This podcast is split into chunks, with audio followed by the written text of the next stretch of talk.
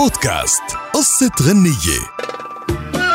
قصة غنية لليوم عن وحدة من أشهر أغاني التسعينات للفنان مصطفى قمر وهي بعنوان سكة العاشقين اللي بتقول بمطلعها أغلى الحبايب يا حبيبي لو لسه دايب في لهيبي ارجع وخدني وخدني على سكة العاشقين هالأغنية سبق وأعجب فيها الهضبة عمرو دياب وهي من كلمات الشاعر سامح العجمي قبل تلحينها. هالكلمات اللي كانت عند مصطفى قمر اللي لحنها بنفسه واللي مثل ما قلنا تعد من أشهر أغنيات التسعينات.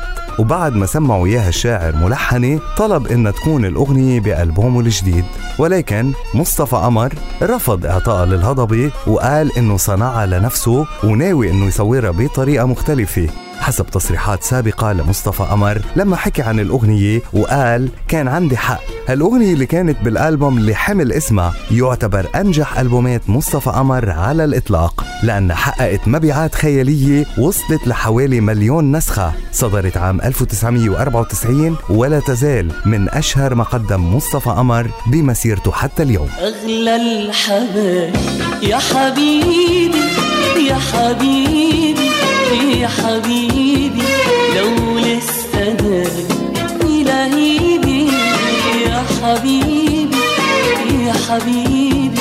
ارجع وخدني وخدني على سكة العاشقين.